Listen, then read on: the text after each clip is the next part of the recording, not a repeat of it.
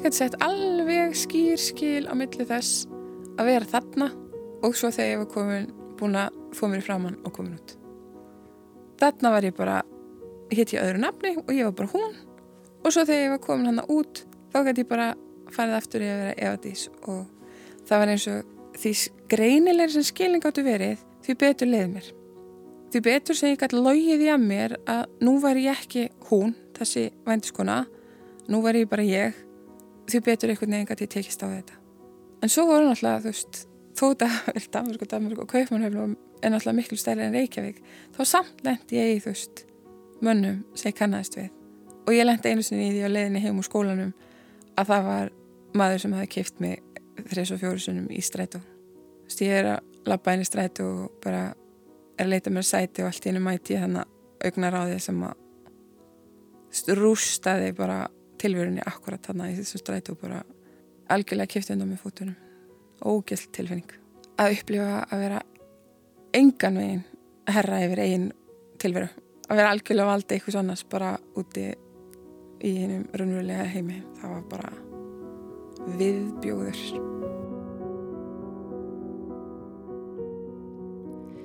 Þarna heyrði við í Efu Dís Þórðardóttur hún á baki markþætta erfiða lífsreynslu sem hefur mótað hana Hún var um tíma á vendiskona í Kaupmannahöfn og segir að vendið sé afleðinga grófu kynferðsóbeldi.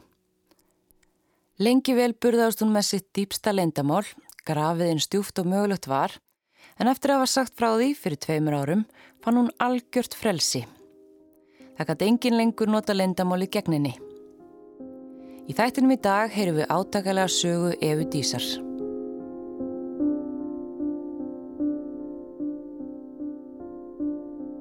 Eva er alin upp á Húsavík og var lögð í mikið einelti í grunnskóla. Hún var beitt kynferðslega uppeldi sem barn og segir það að senda hann að brotna út í lífið. Mín saga byrjar í raun og veru bara ég verð fyrir kynferðsopildi æsku og þessum að kynferðsopildi byrjar þar einhvern veginn eigðast mín mörg og ég fyrir mjög marka lausinni mín fyrstu ástasambund sem að einkennast af kynferðsopildi og andlega opildi og það er einhvern veginn svona vindur upp á sig. Eva kynntist manni á engamólum og þau hófu kynlýfsamband sem hún sér eftir á að var allt annað en eðlilegt samband. Hann var mikið eldri en ég og hérna, náði einhvern svona tökum á mér. Kynnti mig fyrir bók sem að ég held að sé ekkit ósvipuð þannig að 50 gráð skuggar og hún var alltaf ekki komin út þá. Það byrjaði ábúslega svona mjúkt, svona smám saman lokkaðist maður inn í eitthvað heim sem að var eitthvað svona tabú og spennandi og já, held að það veri bara líka því að já, ég var bara leið og ég var náttúrulega líka nýbúin með stúdenspróf og, og atvinnlaus og var náttúrulega að díla við afleðingar kemfjörnsópildisins sem segja að orðið fyrir á þess að vita það. Afleðingar kemfjörnsópildis geta verið svo margskonar það er ákveðin svona sektakent og vonleysi og einmannaleiki sem ég var að kljást við sem var bara bein ég sé það í dag sko og var bara bein aflegginga ofbeldin sem ég verið fyrir. Og vissi ykkur að það er orðið fyrir þessu ofbeldi? Nei. Það var svo mikið skömm í mér fyrir að það sem hafa, hafi gerst. Ég ekkert neginn hef alltaf sko í fórstíðinu þegar ég var orðið fyrir kemfjörnsofbeldi upplifa bara skömm og svona sjálfs ásökun og hérna fundist ég einhvern veginn bera ábyrð. Ég er náttúrulega líka bara að þeirri kynnslu það sem að, maður fekk að heyra þú veist hvernig maður átti ekki að klæða sig og ekki að koma fram og passa sig að vera ekki of drukkin og passa sig að vera ekki svona svona hins egin og ég einhvern veginn alltaf þegar ég var fyrir einhverju þá hugsa, var fyrstu hugsun um hvað gerði ég? Hvað gerði ég til þess að eiga þetta skilið eða bjóð upp og verða fyrir þessu?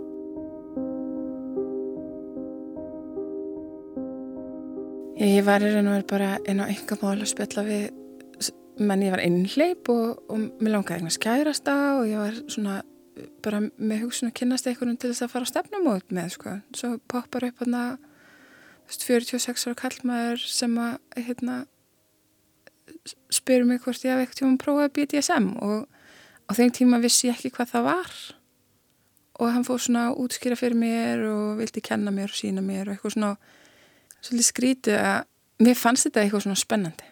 Um, og það er ennþá mér að eitthvað svona skömmi mér fyrir að hafa fundist þetta spennandi sem er náttúrulega fáranlega, ég menna hvað ef ekki margar konur lesið, þú veist, 50 grá skuggar finnst þetta spennandi, en þetta var svo kannski ekki BDSM eftir því sem BDSM félagið vil, vil hérna, viðkenna að sé BDSM, það var ákveðið hann að markaleysi og fariði yfir mín mörg sem að ég var ekki hérna samþykk og annað. Hann var alltaf svo mikið eldri en ég, 46 ára kallmaður og þú veist, rúmlega 20 stelpa, þú veist, það verður ákveðið svona valda ójapvægi.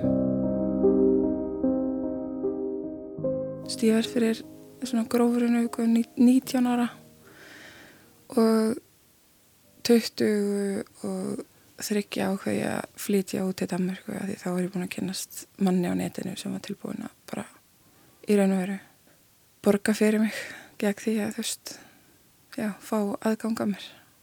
Og ég gerði mig kannski ekki grein fyrir að þetta, þú veist, væri vendi að því við, þú veist, deildum á hverjum áhugamálum og höfum áhuga sömu hlutum, sko, í í kynlífi. Þannig að ég einhvern veginn hugsa að þetta væri bara svona eitthvað greiðastar sem en þetta var náttúrulega þetta bara vendi og ég fór þannig út í Danmarkur þetta, þetta sambandur eitthvað endist ekki. Ég var bara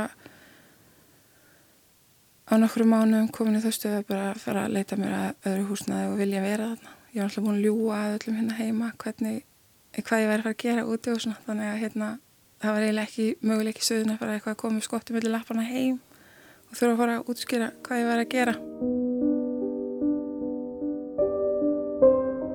Hún kynntist fljótlega öðru manni sem hún segir hafa verið viðriðin alls konar misjafna viðskiptahætti. Annars með eskortjónustu og ég kynnist vendiseiminu svolítið í gegnum hann.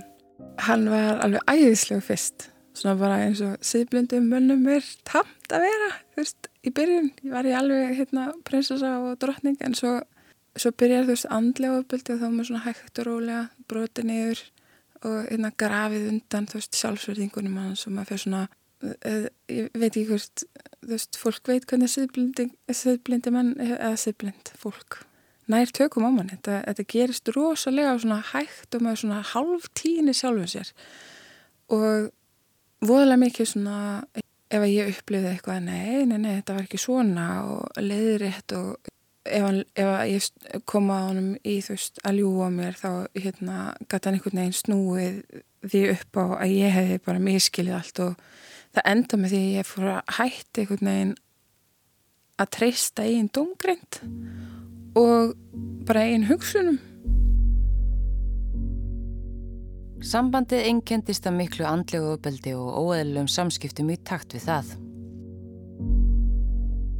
Þetta er raun og verið byrjaði með að við, við vorum eitthvað blöng og ég vildi ná í einhverja auka tekjur og fór að velta fyrir maður að selja hérna töpurvördollur og hann, hann alveg að nei, þú veist, við erum ekki bara að hafa húsum fullt af einhverju plastóti. Þannig að hérna, hann kendi mig fyrir fólki sem var með svona hérna, heimasölu á svona hjálpatekjum ástalífsins. Og það var svona fyrsta sem að, já, ég fór í svona aukavinnu.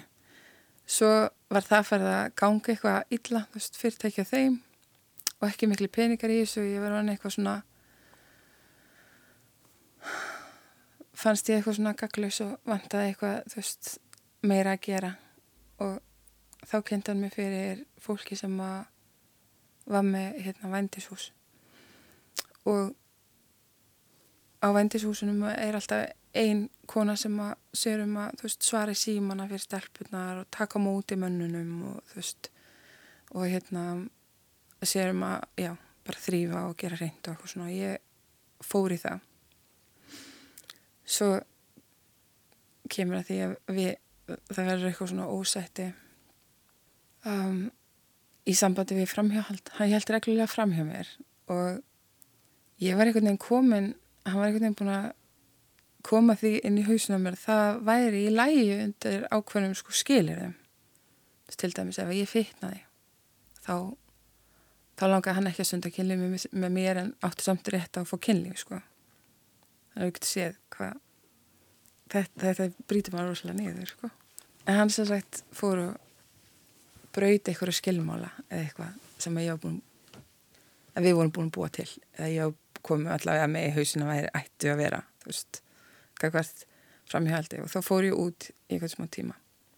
Alltaf að reyna að halda í einhverju smá sjálfsverðingu og akkurat á þeim tíma eru þú veist stelpunar að segja hvað er þú að gera? Þú veist að vera bara svar síman eitthvað svona og þú er svo fallið og þú getur greitt svo miklu peningum og þetta er svo aðeinslegt og þetta er svo frábæð vinna og þú veist fá borga fyrir að stundu kynlíf og þú veist kynlíf er aðeinslegt, hver vil ekki fá borga fyrir það? Og eitthvað svona hérna sem að þær segja sér þú veist til að geta gert þetta. Og ég náttúrulega gerði líka tímubili sagði sjálfur mér að þetta væri málið til að ég geti verið að þessu. Eva ákvaða að prófa. Hún gerði það líka til að hefna sín á kærastanum í tilröndi þess að hann að slíta sér frá honum. Hún sannfærið sjálfa sig um að hún var að gera þetta algjörlega á sínum fórsendum en sér eftir á að aðdragandina þegar hún byrjaði að selja líkama sinn var langur. Þannig að ég prófaði og það er eitthvað þegar maður er búin að fara yfir þetta streik þá er það ekkert aftur snúið en svo þegar ég líti í bakspilin þá sé ég alveg þú veist, þetta var ekkert eitthvað bara lína sem ég hoppaði yfir. Ég er alltaf búin að fara þannig þú veist, út til manns til þess að stunda með honu kynlíf og búin að verða fyrir allir kynferðsopildi að laungu búið að rústa mörkunum mínu að laungu búið að rústa þú veist að ég viti hver ég er og hvar mín sjálfsverðing er sko.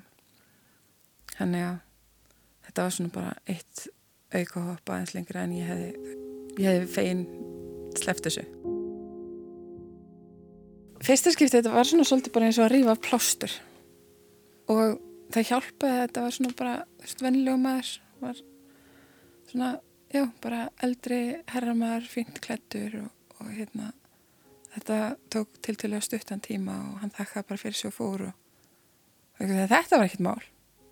Þá auðvelt að gera þetta aftur. Og hún hjælt áfram. Kúnarnir eru fleiri þennan daginn og svo fór hún fljótlega yfir á annað vendishús. Hún segir ekki rétt að tala um þetta sem vinnu. Vendi sé ekki starfskrein. Það sé ofbeldi. Það er svo aðstæðanlegt að tala um þetta sem vinnu. Að fara að vinna við að láta bröta sér úr svolítið skrítið. Þetta er svona,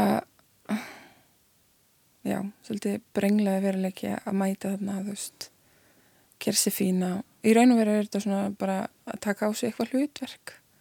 Ég var með annað nafn og þú veist, ég held ég fram að ég væri norsk til dæmis, þú veist, ég held ekki að fólk vissi að ég væri frá Íslandi. Um, ég var með prófíla og þú veist, heimasíðu, sem sagt, uh, húsins, þar sem að kom fram, þú veist, hvað ég bauð upp á og svo leiðis maður er alltaf að reyna að halda í ykkur mörg það voru svona vissi hluti sem ég vildi ekki bjóða upp á sem að svo kannski aðrar gerðu. Og það var að því að maður var að ríhalda í ykkur mörg en svo voru þú veist peningarnir lokkandi og þá fór maður yfir mörgin sín Þú ert aðna á þessu fyrsta húsi Já. og ertu bara alltaf komin á fullt í þetta? Nei, ég raun og vera ekki sko ég tók í raun og bara var bara hann einu dag og var svo að fara að vinna á húsi sem var svona búið að vera allræmt og búið að vera lókaði mörg ár og þar ætlaði ég sko bara að vera á símanum en það er svo með því að því ég var búin að taka vaktin á hinu staðnum að fara ekkit á síman þar, fara bara beint á lakið ef þú var að kalla það já Í Danmörku er vændi leifilegt en það er ólöglegt fyrir þriði aðila að hagnast á því. Hún segir að mörguleiti sé vændi sem er um þar örugari en til dæmis hér á Íslandi. Því hún komist að síðar. Einn af mörgum munum er, er að í Danmörku það er maður í veist verndu skjóli vændishúsins. Í mörgum tilfellum, það er náttúrulega líka til alveg konur sem að selja sér á götu í Danmörku. En í, í, ég hef veist, ekki reynslu af þeim heimi, ég hef bara reynslu af heiminum þar sem að veist, maður er á vendishúsinu og selur sér þar og er með símadömu og er með, þú veist, myndavela upptöku af inganginum þannig að þú veist, maður veit að maður er bara að hleypa einu manni inn í einu og maður veit að hérna að maður þarf ekki að næna öskra þá að koma hjálp. Og þetta er einhver raunveruleiki sem að íslensku konunnar hafa ekki. Þær eru annarkvort að fara einhvert að hitta menn í út í óvísuna eða bjóðum inn til sín og eru þá í raun og veru búin að rústa þú veist fríðhelgi og vernd enga heimilisins fyrir sjálfur sér. Að því að já, við erum líka lítið samfélag auðvelt fyrir menn þú veist að googla og sláðum upp og finna þær, finna þær á Facebook og sitjum þær og þetta er svo miklu harðari raunuleiki hér á margan hátt Hún segir að mennitin sem kom í vandishúsið að kaupa sér kynlíf hafi verið að öllu tægi. Hvernig menn voru þetta? Alls konar menn. Þetta voru bara, þú veist, jakkaflætta klættir menn með ringi. Þetta voru yðnað menn að koma í hádeginu, hádegispásunum sinni. Um, já, skólastrákar. Það var eitt voð sætu sem var svo rosalega ástfangin að mér að hann var búin að setja sér skuldir og allt bara fyrir að að borga fyrir að koma og ég var að reyna, þú veist, það enda með því ég bara reyndi að vera góð við hann og útskýra fyrir hann, veist, þessi kona sem þú ert á hann ástofangina hérna inni, hún er bara ekki tilkallið minn, þú veist, bara við ekki rosalega leiligt segja það en þú veist, þegar við komum hérna út fyrir veggi, þessa veggi, þá er, er þessi manneskja sem þú ert fallin fyrir hún er ekki til, ég er að leika. Og hann bara grét, sko. Þannig að þetta voru þetta voru alls konar menn. En svo komu líka, þú veist, satistar, perrar, menn sem að þú veist, það var alltaf um samið fyrirfram, þú veist, hvað þeir máttu gera og þeir borguðu fyrir það. Og þú veist, það voru menn sem að fíluða ítamörkun maður meiða aðeins, tóka og fast í hárið á manni vera bara harðir og harkalegir. Ég á margan hátt mitti mig, þú veist, stundum ég tala um að ég hef meitt mig að því auðvitað hefði ég geta kallað hjálp og auðvitað hefði ég geta sparkað þeim út. En það var eitthvað í mér sem að vildi ekki gefa þeim það í þú veist bónus að hafa meitt mig. Ég vildi ekki að þeir vissu það. Þannig að ég bara beita vöruna og harkaða mér. Að því að ég vildi ekki gera þeim til geðist að þeir fengju að njóta þess að hafa meitt mig. Fá að finna til sín og fá að hérna, finnast þeir vera svolítið velda miklu sko. og þú voru aðri sem fóru á algjörlega hinpólinn og vildi láta nýjast á sér. Og það var tímabili sem ég fór alveg í það bara því að já, ég fekk bara nóg af að láta reyðlast á mér og veru. Ég geti eða ekki orðað það rauðsi bara reyðlast á mér, já. Ég fekk nóg af því, þannig að ég fór svona svolítið út í þetta BDSM þá vera þá svona drottnunar dama og Eva segir erfitt að útskýra líðanina sem fylgir því að vera komin inn í þennan heim. Komin á eitthvað jáðar, orðin annars flokks. Og það er líka eitthvað, þetta er rosa skrítið, þegar maður er einhvern veginn búin að stíga skrefið, þá verður bara eitthvað aftur snúið. Og þetta nær svolítið bara tökum á veruleika manns. Manni finnst maður bara vera orðin eitthvað, þú veist, second class og að nú tilheri ég bara þannig. Nú er ég bara, tilheri ég bara jæðurinnum, sko, eitthvað nefn. Og munur náttúrulega á, þú veist, eins og til Danmark það sem vendishúsin er það er svona okkur samfélag þú veist það er huggun í að eiga þú veist hinnar konurnar að þó þetta sé svolítið þú veist það er ekkit vinkunur manns það er náttúrulega allir að, reyna að græða peninga og stela kunum að koranari og, og, og, og svo leiði skilur þannig að það er, er ekki vinkunur eins og ég myndi kalla vinkunur í dag. Hvaða konur voru að vinna? Það? Alls konar konur. Allt frá klámstjörnum sem voru bara rosa vinsalara því að þær, þú veist, áttu klámyndir sem menn, menn voru búin að sjá, þú veist, sóttu svo í það að fá að vera með þeim svo á væntsúsunum og í svo bara, ég það var einanna sem var amma. Um hálsárs skeið var hún í mismunandi vændishúsum. Hún var þá hætt með fyrirvændi kærasta sínum sem náði þó að sannfara hann um að þau ætti að taka saman aftur og þá á þeim tíma var ég alveg harða ákveðin því ég ætlaði sko ekki að láta hann ná tökum á mér aftur svo bara gerist það. Ég held að alla konur sem hafa verið ofbildið sambandi þú veist kannist við þetta. Þeir ná einhvern veginn að krækja í mann aftur. Og þegar hann var að reyna að ná mér aftur þá, þá vildi ég bara særa hann og með hann og þá hendi ég þessu í hann í svona bræði ykkur að ég væri að gera þetta. Og hann fekk náttúrulega bara rosa sjokk og var miður sín og fannst þetta ræðilegt og svo hérna en hún fannst þetta samt ekki ræðilega en það þegar hann næst vantaði veist, stelpu í eskort þjónustuna að þá baði hann mig um að retta sér.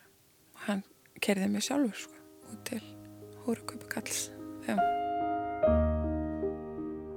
Eva var með manninum í fjögur ár eftir þetta. Hann að dreymdum að lifa eðlilugu fjölskyldulífi. Við eitthvað neina ákvæðum bara að reyna á sambandi og fara bara all-in okkur langaði að batt saman, hann átti tvö börn.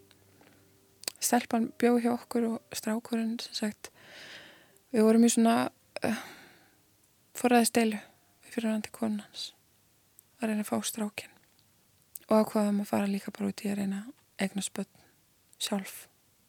Og langaði eitthvað voru mikið að vera fjölskylda. Þá náttúrulega er ekki að vera í vændi.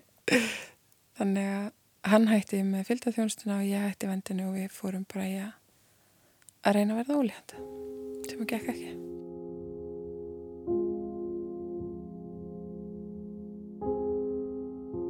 Það slitnaði svo upp úr sambandinu og Eva ákvaði að flytja aftur heim til Íslands.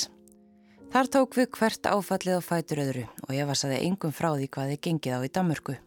Korki frá vendinu nýja ofbeldisambandinu. Fyrstu þrjú árin sem að ég var hérna heima voru bara áfall áfall ofan og 2011 var bara skjálfilegt. Ég lendi í nöðgun, pappu minn tók lífsitt, lendi í tveimur bílislísum, fór í hérna tann viðgerð sem að mistókst og satt upp með taugaskaða því þetta ár var bara skjálfilegt og hérna bara áföll og að þurfa að leita sér læknis og, og borga fyrir þú veist alla þá þjónustu sem að heilbriðskerfið þú veist krefst raukunar fyrir sérstaklega áður en ég fekk hérna metna urorku eitthvað svo les það var bara rosalega dýrt og ég, og ég leitt oft hugan að því. Þú veist þegar maður er alveg svona komin að upp að vekk fjárháslega þá hef ég oft leitt hugan að því. Ég gæti þú veist gert þetta. Bara þú veist 2003 svar þá erum við að retta mánuðinum. Og en svo hinbúin er ég svo ópuslega fegin að hafa ekki gert það því að vændi á Íslandi er bara alveg bara rosalega harður raunveruleiki og, og þá man ég alltaf eftir þessu manni þannig í strætónum. Þú veist, vill ég lenda í þessum aðstæðum aftur? Þú veist, í bónus eða í kringlunni? Þú veist, að, eitthvað, að mæti einhverju manni sem hefur keft mig? Nei, ég vil það ekki.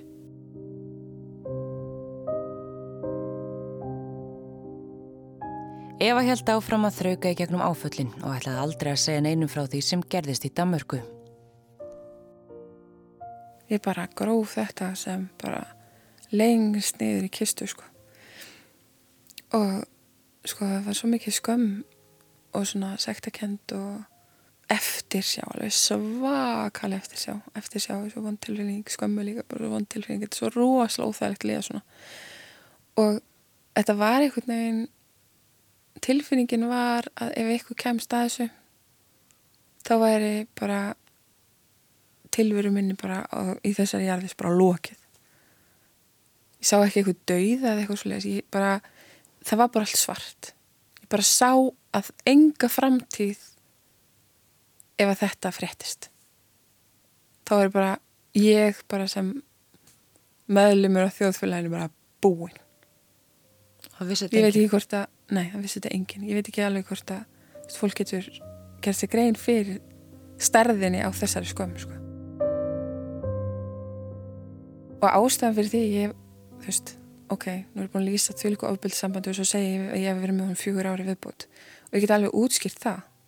Ég sá þetta samband sem mína einu mitt eina tækifæri til þess að eiga heiðalegt samband. Að þetta var eitthvað sem að ef ég hætti með honum og fara að vera með einhverjum öðrum þá myndi ég aldrei nokkuð tíma geta sagt þeim einstaklengi frá því hvað ég hef gert. Og þá þurfti ég alltaf að lifa með líginni Þess vegna þurfskaðist ég við þetta sambandi fjögur ár. Það og börnin reyndar. Að því hann vissi þetta og elskaði mig samt. Og það var eitthvað sem að mér fannst bara engin annar myndi geta gert það. Að vita þetta og samt elska mig. Þú veist, sjálfsfyrirleikningin alveg bara svakalega. Svo ekki hérna heim, byrja einn á fullu og bara vera döguleg og reynda að fóra í eitthvað svona ástasamband sem að gekk ekki náttúrulega líka bara svona tjúluð af eitthvað svona sjálfshörku og væðalýs í einn gard sko. Svo kemur þess að segja 2011 vorið þá deyir pappi haustið þá fer ég þess að tann viðgerð tannlæknirinn vildi fyrst ekki viðkjanna að það væri neitt að hjá mér. Hann vildi meina að ég væri bara með veðubólkur og vissana því að ég væri búin að lenda svo miklu áföllum og sendi mig til svona einhvers meðhandlara sem að bara misnotaði mig og bekna hjá sér. Og ég lappaði bengt út frá honum og lendi í bílisleysi þannig byrjuðin desember 2011 og svo lendi ég aftur í bílisleysi á aðfangadag 2011 og það var mjög alvarleg bílisleysi bæði skiptin sko. Ég var alveg í klessu. Og ég var búin að vera í sko svona sálgæsli á presti eftir að pappi dó.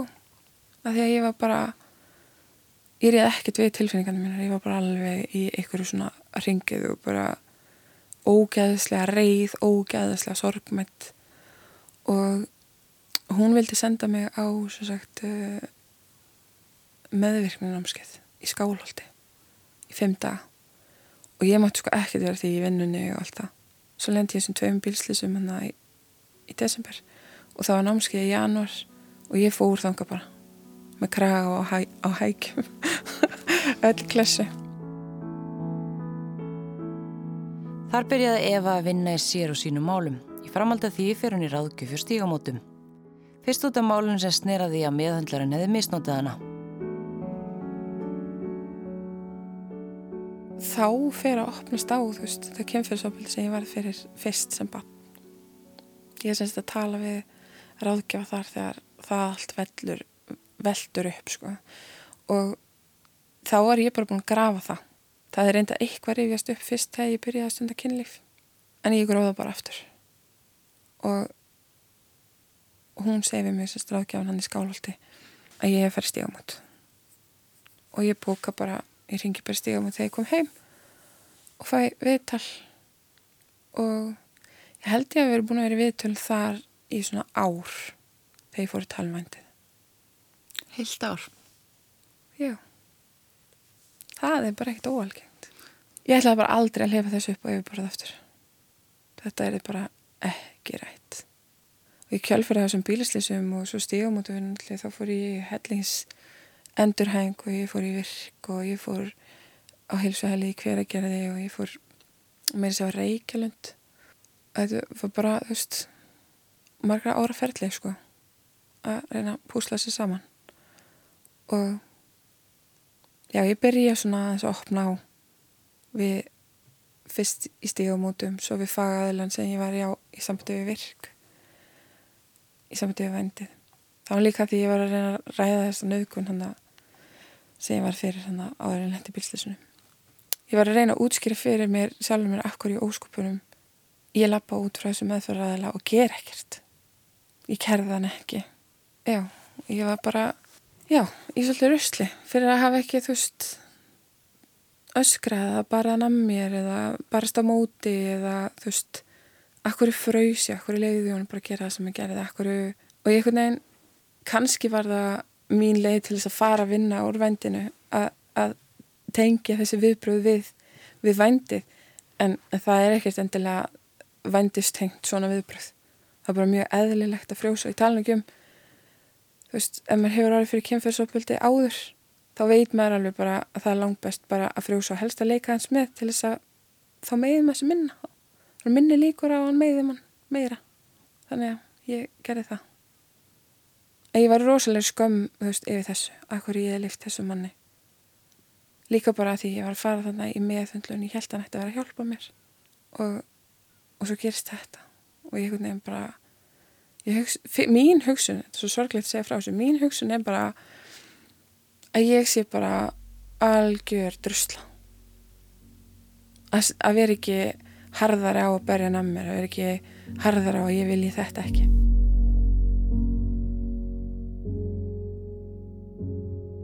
ég var að drukna í vanlíðan og það einhvern veginn bara varði að koma upp á yfirborðið bara vegna þess að ég var það var annarkvæmst að segja frá það degja sko. ég var í svo miklu sjálfsvíksugleðingum og með svo miklu áfallastreitu og ég bara var ekki fungera þannig að ég varð bara að segja frá þessu Hvað gerðist eftir að þú fórst að tala um þetta?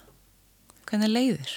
rosalega léttir rosalega léttir að sko fyrst að byrja svona að opna mig við ráðgjafa minn stígamöndum segi frá þessu, svo við sálfræðingin svo við hérna læknin á Reykjalundi sem var að reyna að hjálpa mér sem var að hjálpa mér hjálpa mér helling. Og að hverskipt sem ég sagði frá ég líka var svo bara svo heppin að mæta alltaf fólki sem að hafði skilninga, því það er alveg til fagfólk sem, að, sem að hefur ekki skilninga á þessum heimi og veitir en verður ekki hvað afleggingar hérna, fólk sem hefur í vendi er að glima við sko. þannig ég var svolítið heppin að vera sko bara tekið og hlustað og vera skilin veist, í hver skipti sem að ég opnaði mig og það náttúrulega verður til þess að ég tristi mér í að opna mig meira og segja fleirum frá. Ég náttúrulega er að upplifa sko eitthvað svona frelsi í dag við að geta sagt bara já, ég gerir þetta. Og bara borið höfuðið hátt og þarf ekki þessi ótti við að komast upp um hann er svo rosalega lamandi. Og að vera laus við hann.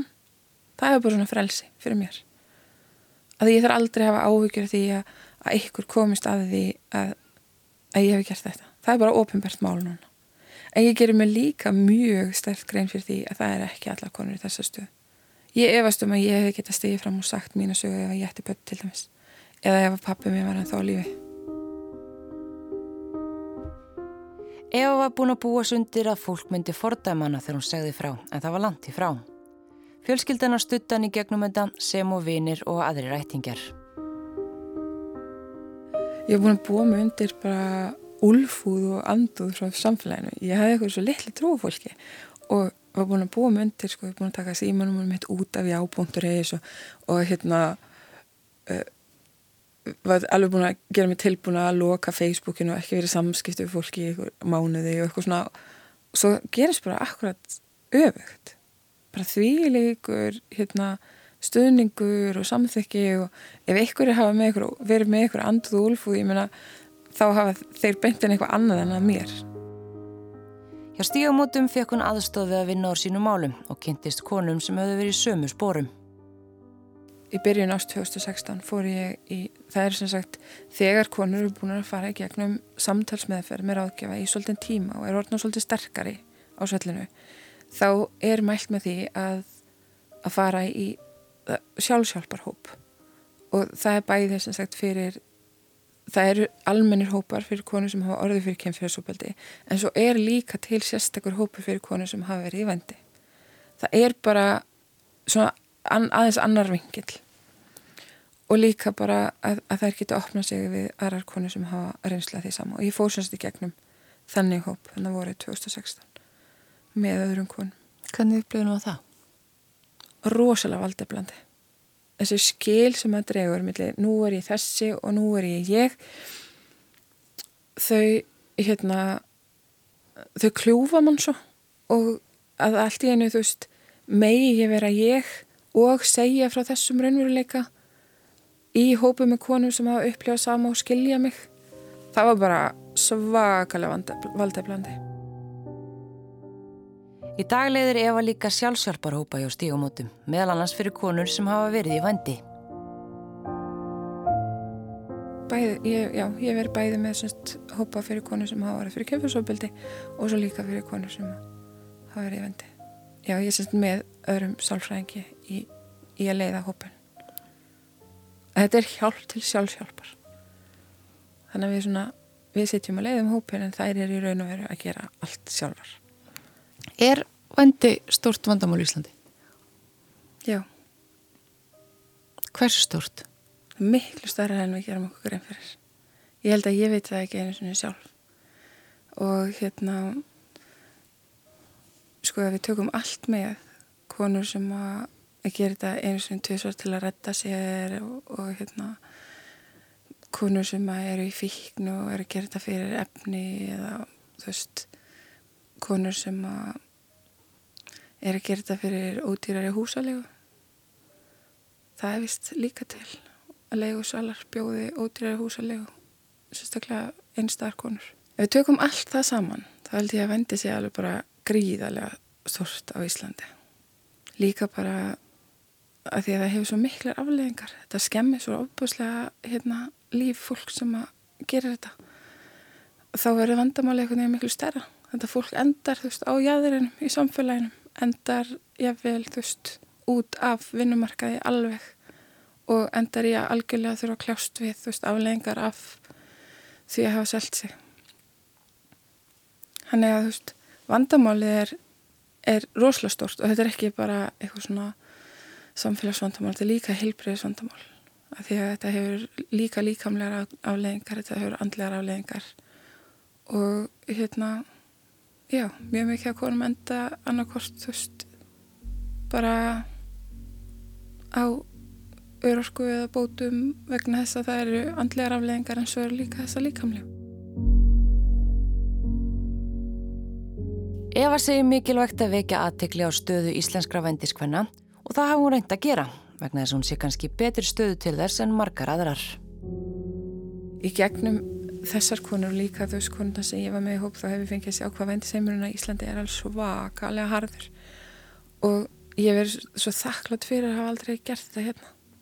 Að þó að þú veist hlutnar hafa verið slæmir út í Danmarku þá er alveg bara það er svona auka lög hérna í okkar litla samfélagi sem að gera þetta ennþá vera ég líka upplifið bara Það er ekki leiðilegt að segja að ég upplifu meiri hvern fyrirlitningu hérna á Íslandi heldur en ég gera þetta í Danmarku. Það vakti aðtegli þegar hún stegi í pontu á borgarstjórnafundi fyrir á þessu ári fyrir hönd íslenskra vendiskvenna. Af hverju gerur það? Af því að mér fannst, ég satt hérna á borgarstjórnafundi þátt að setja fjárvitingu í ofbeldisvarnanemt, í átak gegn vendi og mannsali og þó að það hefði verið hérna fólk sem að fræði fólk og annað sem kom upp og talaði um þú veist vendisheiminu í Íslandi og hvern, hversu verskjaldar og verndarlausar íslenska vendukonur eru þá var samt umræðan komin algjörlega inn á mannsalið og mér fannst sérstaklega þegar borgarás fullhrjóðanir fóru að tala að þar lægi fókusun að hérna það væri hérna að koma erlendir eh, mannsalsringir eða erlendar vendiskonur að koma erlendis frá að selja sig á hótelum, gæstiheimilum, Airbnb. Og þetta var eitthvað sem þurfti að uppræta vitandi sjálf hversu berskjaldar vendiskonur í Íslandi eru og hvað þetta er ógeðslega harður heimur sem það, sem það er lifa í og hvað þó stigamót sé að gera rosalega gott starf þá þurfti samt svo miklu, miklu, miklu meira. Bara þú veist, fleiri leiðir fyrir þær að, leið, að, leita til. Og ég tala nú ekki um þú veist, eða væri einhvers konar fjárhags aðstóð eitthvað til að styðja þær þegar þær er að reyna að komast út úr þessu, þú veist, það væri náttúrulega bara alveg ómyndalegt, það bara er ekkert svoleiðis hérna. Þannig að ég fór hann upp í pontu á einhverju síðustu mínutinni bara til að segja, hei, þú veist, ekki gleym okkur. Og náttúrulega skjálfanda beinunum og kvíðin og allt það og, og orðin svona pínu þvældust fyrir mér en ég held ég hafi samtalið náða að segja, þú veist, við erum svo fá við gætum verið hvort öðru svo góð hérna á þessu land okkar. Uh, við gætum haft svo miklu meiri jöfnuð ef við bara settum fókusun aðeins þar. Þannig að þú veist, konur og menn, það er náttúrulega mennlega vendi líka að fólk þyrst ekki að gera þetta. Fólk þyrst ekki að selja líkamann sinn til þess að ná saman þú veist, því fólk er ekkit að selja sig bara til þess að geta kemst sér fínum bíl þetta er yfirleitt konur sem að eiga ekki fyrir mat handa börnunum sínum. Eiga ekki fyrir húsalegunni eiga vel ekki fyrir ramón og hýta þannig að þá er þetta sem það gera þú veist, selja líka með sinn. Þannig að ég fór upp í pont og sagði bara veist, ekki glem okkur. Hún segir að afleðingar vendi séu margvíslegar. Það er kvíði og ótti. Um sektakent, skömm, svakal skömm, vonleysi depurð, sjálfsvíks, hugleðingar, sjálfsvíks, tilraunir, mjög margar kvalafullar, sjálfskaði, ádraskanir, sjálfsásakanir og mjög lágt sjálfsmatt, mjög lítil sjálfsverðing, áfallastreita. Áfallastreita er svo líka bara með sín enginni, með aðteglisbröst og kvíða, depur, söfleysi áfallast að þetta mælist herri í vendiskonum heldur en heldur um hermunum sem eru að koma úr stríði. Ég þarf ekki að það, það er eiginlega nóg að segja það. Maður þarf ekki að segja sögur af hvað svo hræðilega hlutir hafa komið fyrir mann í vendinu ég meina, ef þú bara, þú bara segir það. Vendiskonur eru með yfirleitt með það er herri tíðin áfallastreiti hjá þeim og hún, og hún er alveg leira heldur en hjá hermunum sem koma heim úr stríði. Þá, þá getur maður svona svolítið gerð sig grein fyrir því það er svolítið hræðilega hlutir að gerast